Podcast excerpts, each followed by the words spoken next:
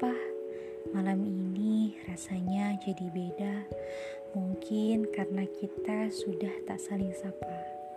Saat ini, dering pesan darimu menjadi yang paling aku nanti.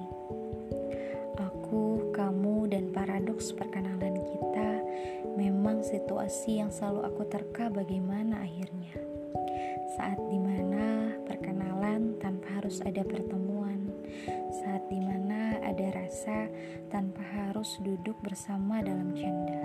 Kita dua orang yang berada di titik yang berbeda, tapi kamu seolah memberi pesan bahwa kita tetap harus bertahan di titik kita masing-masing. Jangan pernah berusaha untuk membuat titik itu ada tanpa jarak. Namun, sepertinya itu sudah terlanjur, dan sekarang kamu malah membuatku berada di tengah-tengah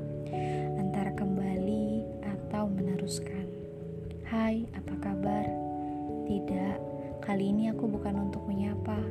Aku hanya ingin berkata, Terima kasih pernah menjadi teka-teki yang belum sempat aku selesaikan. Terima kasih pernah menjadi rentetan kenangan yang mungkin sesekali aku coba ingat lagi. Maaf, maaf bila aku selalu berisik mengganggumu di waktu ternyamanmu.